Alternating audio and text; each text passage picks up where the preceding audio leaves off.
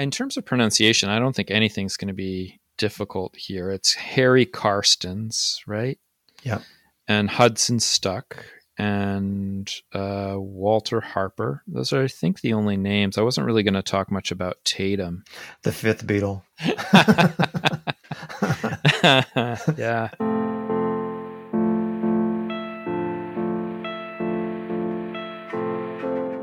Denali is the tallest mountain in North America and one of the deadliest mountains in the world, with temperatures and weather that rival the North Pole.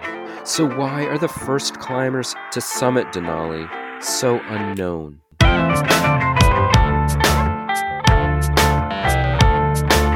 It's time to eat the dogs. I'm Michael Robinson. Today, Patrick Dean talks about the first successful ascent of Denali in 1913. Dean is a writer and executive director of the Mountain Goat Trail Alliance. He's the author of A Window to Heaven The Daring First Ascent of Denali, America's Wildest Peak. Patrick Dean, thank you for talking with me. Great to be here today. Thank you. So, Denali is the highest mountain in North America. It's just over 20,000 feet. But that doesn't really do justice to how hard it is to climb this mountain. Can you talk a bit about Denali? Sure. The thing about it is that uh, you, get this friendly sort of rivalry going on between people comparing Denali and Everest. and they say, well, you know, Everest is highest, but from, from base to tip, Denali is you know farther. And the other fact is that uh, Everest is at the is at the same latitude as like Miami, whereas mm-hmm. Denali is way up north. It's the farthest north of the of the big seven uh, summits, and so uh, the weather can get horrendous. You know, 100 degrees below zero, and uh, it's a it's a long, hard slog to get there, especially back in Hudson Stuck's day.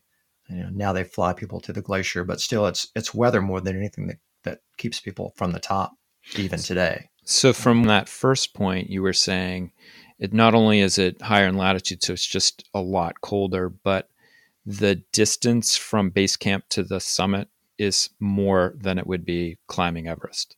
That's right. Yeah. The effort to climb Denali seems to really kick into high gear around the turn of the 20th century, at a time when Victorian mountain climbing is really becoming a rage in Europe as well as the United States. What's driving all of this interest in climbing mountains? That was a really interesting topic to deal with as I was researching the book. I think you had a sort of a confluence of things. I think you know technology was getting a little bit better. Mass media was growing too, and so more people were reading about and getting inspired about uh, feats like this. And you have to say that uh, you know nobody who lived in Alaska cared about climbing mountains till the late 1890s when the gold rush happened, and and brought that wave of Westerners and white people who were the sort of people who would think about climbing mountains. I think that was certainly true in Denali's case. Like, how soon after settlers, white settlers, got to Alaska, did they figure out that Denali was actually as high as it was? I mean, did they know that right right off the bat from surveying, or was that something that took took time? Uh, well, the surveys were later on, but it, it's it's it's fairly apparent how just how big Denali is even from the valley, even from 150 miles away. So the very first settlers saw it and were awed by it. Even Cook in Vancouver, who that's uh, James Cook, right? We're just out in out in the bay that was named for him later, Cook Inlet. From the water, could see Denali. It's so massive and so prominent that uh, the very first white people who were there uh, were definitely awed by it and, and uh, intrigued by it. And so, you know, the gold rush happens in the late 1890s, and by 1903, you have James Wickersham, the judge, Judge Wickersham, trying to make an attempt on the mountain. So it happened pretty quickly in terms of, you know, the white arrival in Alaska, followed by the mountaineering attempts. So you have the gold rush that brings a lot of settlers up, and then in that first decade of the 20th century, you mentioned Wickersham, and then there's just a bunch of other expeditions within that decade to attempt summiting Denali. Can you give us a highlight reel of some of those attempts? Sure. Well, Wickersham's was the first in 1903, and and uh, he chose wrongly. He tried to ascend from the northern side of the mountain, which has this incredibly sheer, steep, icy wall, which didn't let anyone climb it until the 1960s. So he was turned back. After that, you had uh, Frederick Cook, who didn't quite make it to the top, we're pretty sure. And then uh, some people who were on his, a couple of guys who were on his expedition, Belmore and Brown, gave it a shot. And then you have the sourdoughs, who were the uh, just the just a wonderful story of this.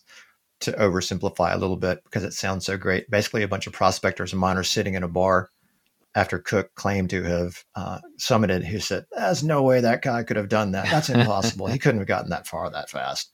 And they knew the country; they'd been there. They were they were sourdoughs in the in the lexicon. They had been there long enough to be hardened, uh, inured to Alaska's conditions, and and they knew what they were doing, and they knew what was going on. And so almost in a barroom bet, they uh, went up and got to the North Summit, which is a shorter of the two summits of Denali, planted a flagpole up there because they thought you could see it in Fairbanks.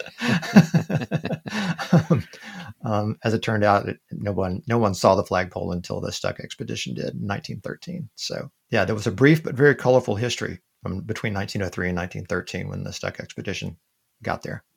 Yeah, Frederick Cook uh, was someone who I kind of got excited to read about Cook in your in your book because he's uh, I know him from from the Arctic expedition he led in 1908, attempting to get to the North Pole first, and when he got back to the United States, claimed to have made it, and then immediately ran into this uh, rival claim by Robert Peary another American explorer. And then for the next six months, they dueled it out in the popular press about who made it to the North Pole first. And what I found so interesting about your book was that so much of litigating that discovery or the reaching of the North Pole came back to Denali. They were they were constantly coming back and saying, "Wait a minute, did Cook really climb Denali, or is there evidence that he's lied about other claims too? So it became like central evidence in this uh, in this whole case. I don't know if you have any thoughts about uh, Cook and that that whole controversy.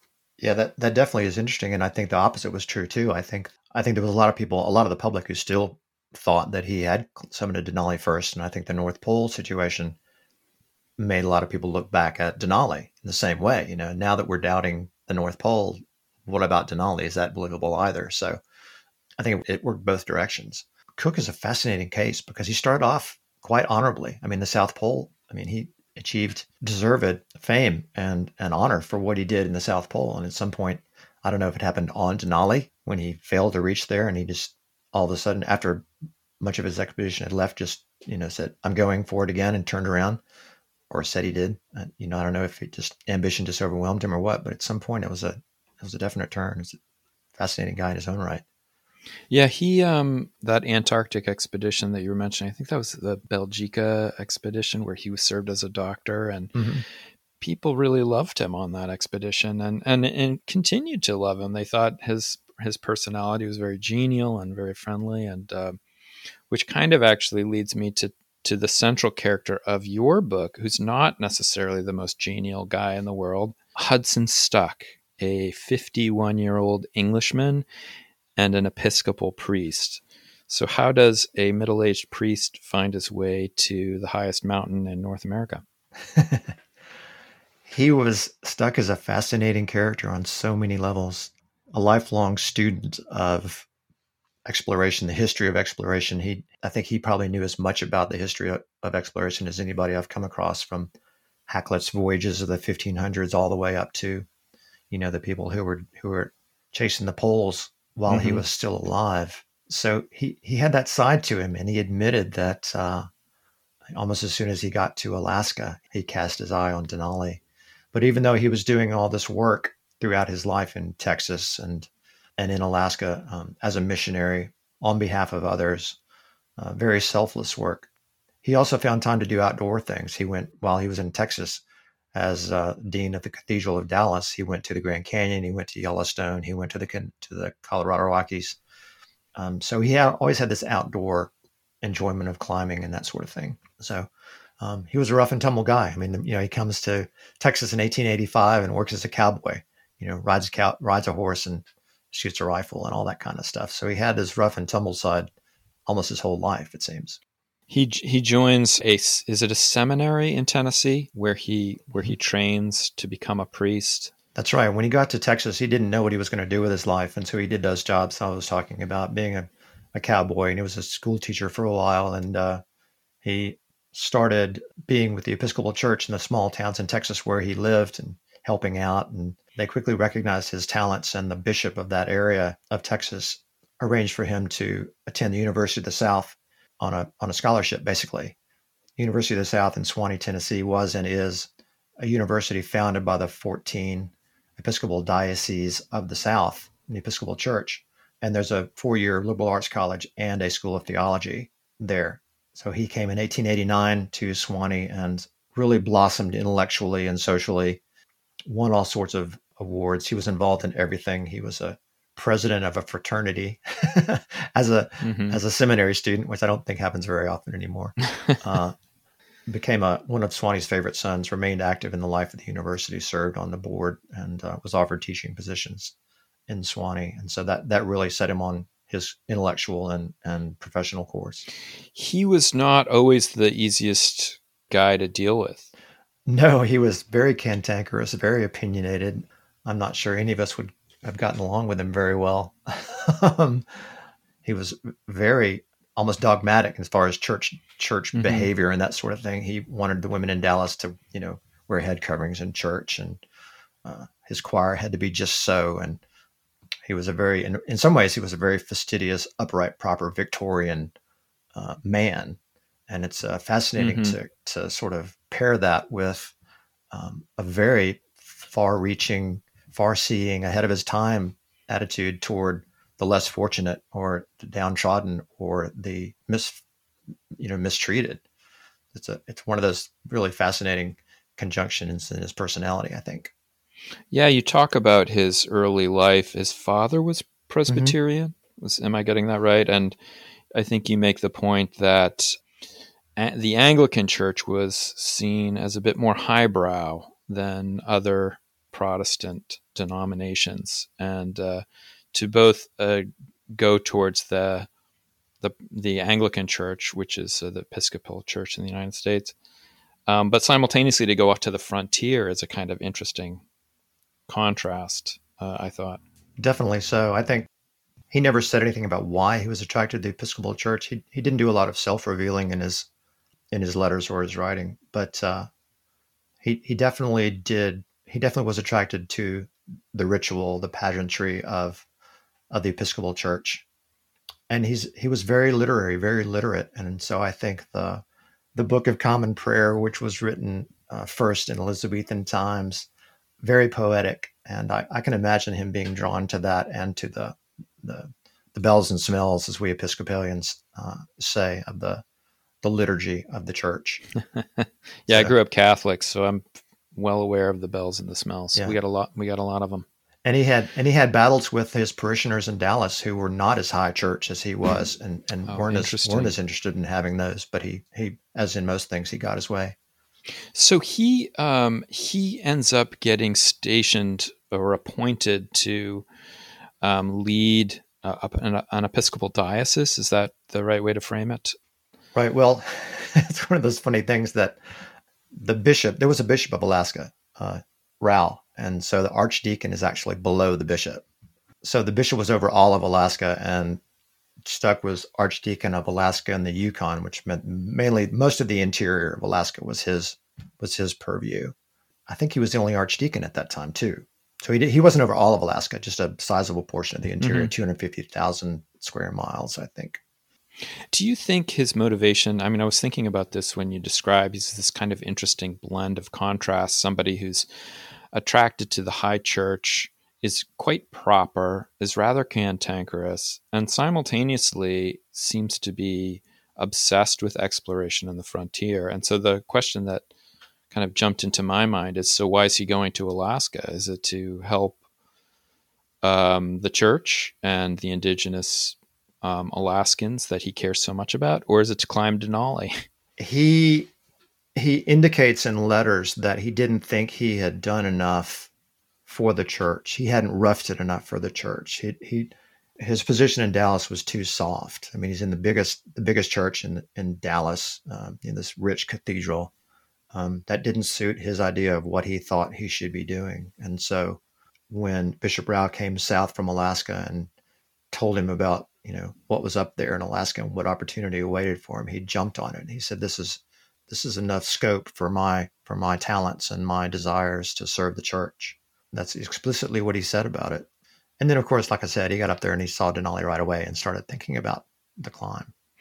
He starts to think about it, and he eventually puts together a an expedition party that includes a young man, Walter Harper, uh, who is half Alaskan, and Harry Karstens, who is a sourdough. Uh, basically a white settler who's lived in Alaska for a long time. Can you talk a bit about these two men? I know there's a fourth person as well. sure. So, one of the main uh, dynamics in the entire book is a relationship between Stuck and Karstens. Uh, Karstens had come to Alaska during the gold rush, had been on uh, the same creek prospecting as, as Jack London, and later established himself as a, a mail driver, M A I L, mail driver, prospector, hunting guide, basically a jack of all trades, uh, prototypical Alaskan sourdough and Stuck had his eye on Karstens to be to be the god of his expedition. He he knew he needed somebody like that to be uh, to provide the the outdoor knowledge and and the the muscle, so to speak, mm-hmm. of the expedition. Not not that Stuck was a slacker. You know, from the very first winter he got to Alaska, Stuck went around to his parish churches in the dead of winter by dog sled. And he even wrote, his, a book about it, right? Like 15... his first book, Ten Thousand Miles by Dog Sled, about that very thing. Yeah. So um, he was, you know, by this time he had he'd been there almost a decade, and and he was hardened as well. But he knew he needed somebody like Karstens, and he even said he wouldn't have made the the expedition without if Karstens hadn't agreed to join. Mm-hmm. For uh, for Karstens' part, he was not that willing to go on the expedition. He he had befriended and worked for Charles Sheldon, who was a, a rich Eastern conservationist and hunter in the Theodore Roosevelt mold, who had come to Alaska hunting and, and hired Karstens and hired him on. And and they had talked about summiting, trying to climb Denali. And Karstens really, really wanted to do it with with Sheldon, but Sheldon went and got married and dropped all his plans of exploration. So Karstens sort of settled for going with Stuck, and uh, their antagonism would uh, show up a little bit during the expedition and greatly color their their relationship after that. Yeah, what's what do you think's at the basis of that? Because because you describe Karstens as someone who is almost universally liked by the people who interact with him. He's very uh, gracious. He's extremely positive. He's highly competent in pretty much all the skills you would need in this kind of expedition. Um, what's what's the issue? It is interesting, and not only that, he was known for being a big reader too. I mean, um, you wouldn't think of a, a sourdough type like him as, as, being that, but he was, and so it wasn't quite as cut and dried as you know the the literate, um, eloquent priest and the rough sourdough type. It wasn't like it wasn't really like that. So where did that antagonism come from? I think Karstens had he was irritated on the expedition by Stuck's ways, long ingrained ways, the most prominent of which was well to back up, Stuck and Harper had gone on these winter dog sledding trips, the two of them for years and years and years, and they had a routine. And the routine basically was Harper would do most of the work setting up camp when they got somewhere in the evening, and Stuck would, uh, for Stuck's part, he would teach Harper uh, English and history and you know other subjects that that they thought he should learn because when Stuck met Harper, Harper was 16 and uh, Stuck met him at a mission school, and Harper couldn't read or write at that point, and Stuck took him on not only as a protege on his trips and everything, but also to educate him. Mm-hmm. Because part of what Stuck thought had to be done was to prepare Alaska Natives for the outside world. And uh, hence this educational program that he had for Harper and other Native American young men at other different times, which consisted of, again, you know, campfire lessons, Shakespeare and lists of the kings of England and U.S. Yeah. history and all that sort of thing. So you, you translate this to the mountain to Denali, and Stuck and Harper going about their their thing. You know, Stuck is he's he actually wrote much of 10,000 Miles with the Dog Sled on Denali. He was finishing his first book up. So they're doing what they always do. You know, Harper's doing the work of setting up camp and Stuck's writing and reading. And Karstens, that didn't really fly with Karstens. He Yeah. really annoyed him, really bothered him, and really gave him a bad impression of Stuck. So what you're saying is that that Stuck had a that kind of patrician patriarchal view of helping indigenous people by educating them and making them more in quotations uh, civilized and that was something probably that Karstens as someone who was a bit of an anti-elitist would have trouble with am i framing that correctly That is possible. I mean, I, I do sort of take a moment or two in the book to speculate about Karstens was, as you say, very well respected and liked in the white settler community. And most of the white settler community didn't like what Stuck was doing for Alaska Natives. There was definitely antagonism there for sure between the settler community as a whole and missionaries like Stuck. So, to what extent Karstens inherited that uh, from the from the settlers who admired him, it's difficult to say. He never said anything specifically about that, but that is definitely a question. He certainly seemed to, to respect and admire Harper on the mountain. That's for sure. But it's but it's really difficult to tease all that out at this point. But it's beyond doubt that uh, when they got back from the mountain, the headlines were all, you know, Episcopal priest scales McKinley, stuck party reaches the top, yeah all that sort of yeah. thing. And uh, Stuck tried, I think, pretty furiously to to correct that record and to give Karstens his due, but Karstens never forgave that um, and was convinced that Stuck was trying to grab all the glory and all the income to be made, all the money to be made from the from the uh, from the summit and this. And this was a pretty brutal expedition in a lot of ways. Um, can you talk about what happened to them in the summer of 1913? Sure. Well, you know, unlike today, as I mentioned a while ago, where you could where you can helicopter to the glacier and go from there, they had to start, you know, 150 miles away, and it took three weeks just to get to the base of the mountain. They started up fairly well. They used dog sled teams to to you know move their supplies up onto the mountain, onto the Muldrow Glacier, and then they met with a catastrophe when a silk tent uh, holding much of their cache of supplies burned, uh, thanks to a match from either Karstens or Stuck's pipe. We never established that never gets established who's who exactly was at fault there. They may have just chosen to let that lie. But anyway, a good supply of their a good bit of their supplies went up in in flames there, and that that was a hardship for them for sure. And then the other big uh, obstacle to their climb was the fact that the, the northeast ridge, which they thought was going to be their easy highway up to uh, to the summit, turned out to have been shattered by an earthquake a couple of years before, actually just a year before. And so, what they thought was going to be an easy uh, little stretch was a treacherous path up and down and around and through house size boulders and ice and uh, very treacherous crevasses and, and all sorts of dangers. And that took them much longer than they expected as well. And of course, they had to deal with the weather. They had to deal with you know, whiteouts and whole days at a time when they were stuck in their tents and that and and that sort of thing. I mean, it's at this point, it's June, right? It's June, uh, midsummer 1913, Right. and they they talk about temperatures four below zero, five below zero on the on the Right. days they're trying to summit. Right. Seven below on the summit day, I think, but sunny and not too windy, which made it possible.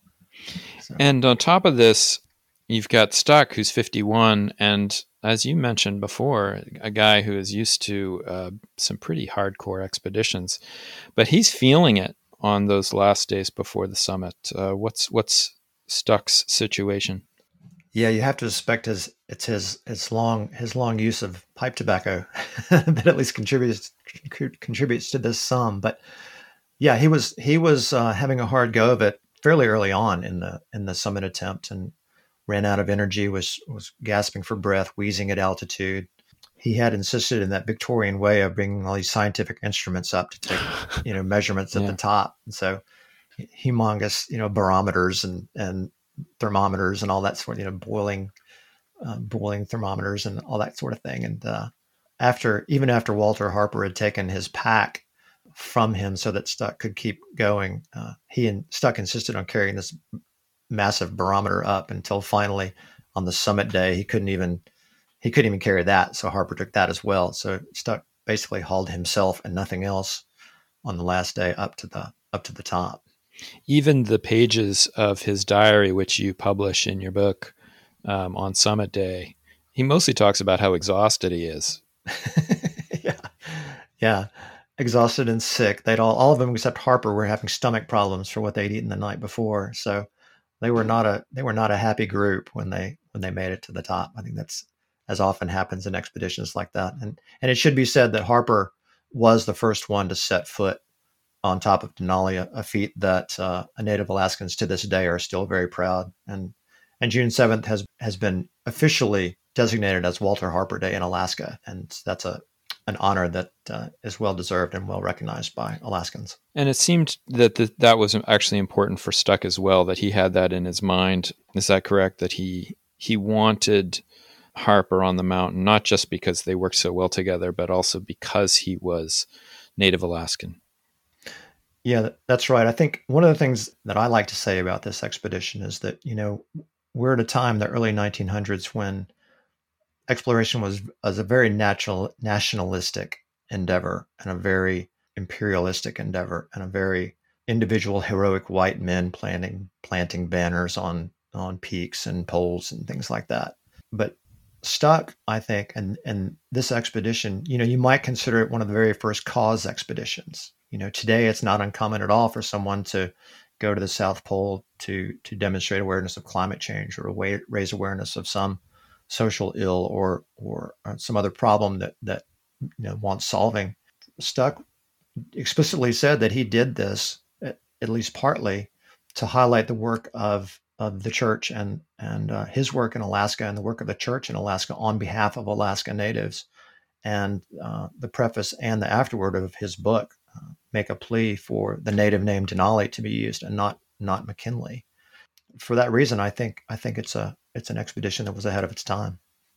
Yeah, he's such an interesting guy because he strikes me as very Victorian, imperious, stubborn, incredibly moralistic, He's very religious, not very well liked, but he actually is also uh, cares a great deal about the welfare of Native Alaskans. It's just a very interesting mixture of traits, and it remind it actually reminds me a lot of David Livingstone hmm. um, in Africa, who hmm. is uh, I don't know shares a lot of those traits. I don't know if you have any thoughts about that as a either the two of them or just that as a kind of profile of uh, of an explorer no, you're right. The, the, the contradictions and the, the complications of that personality and that time.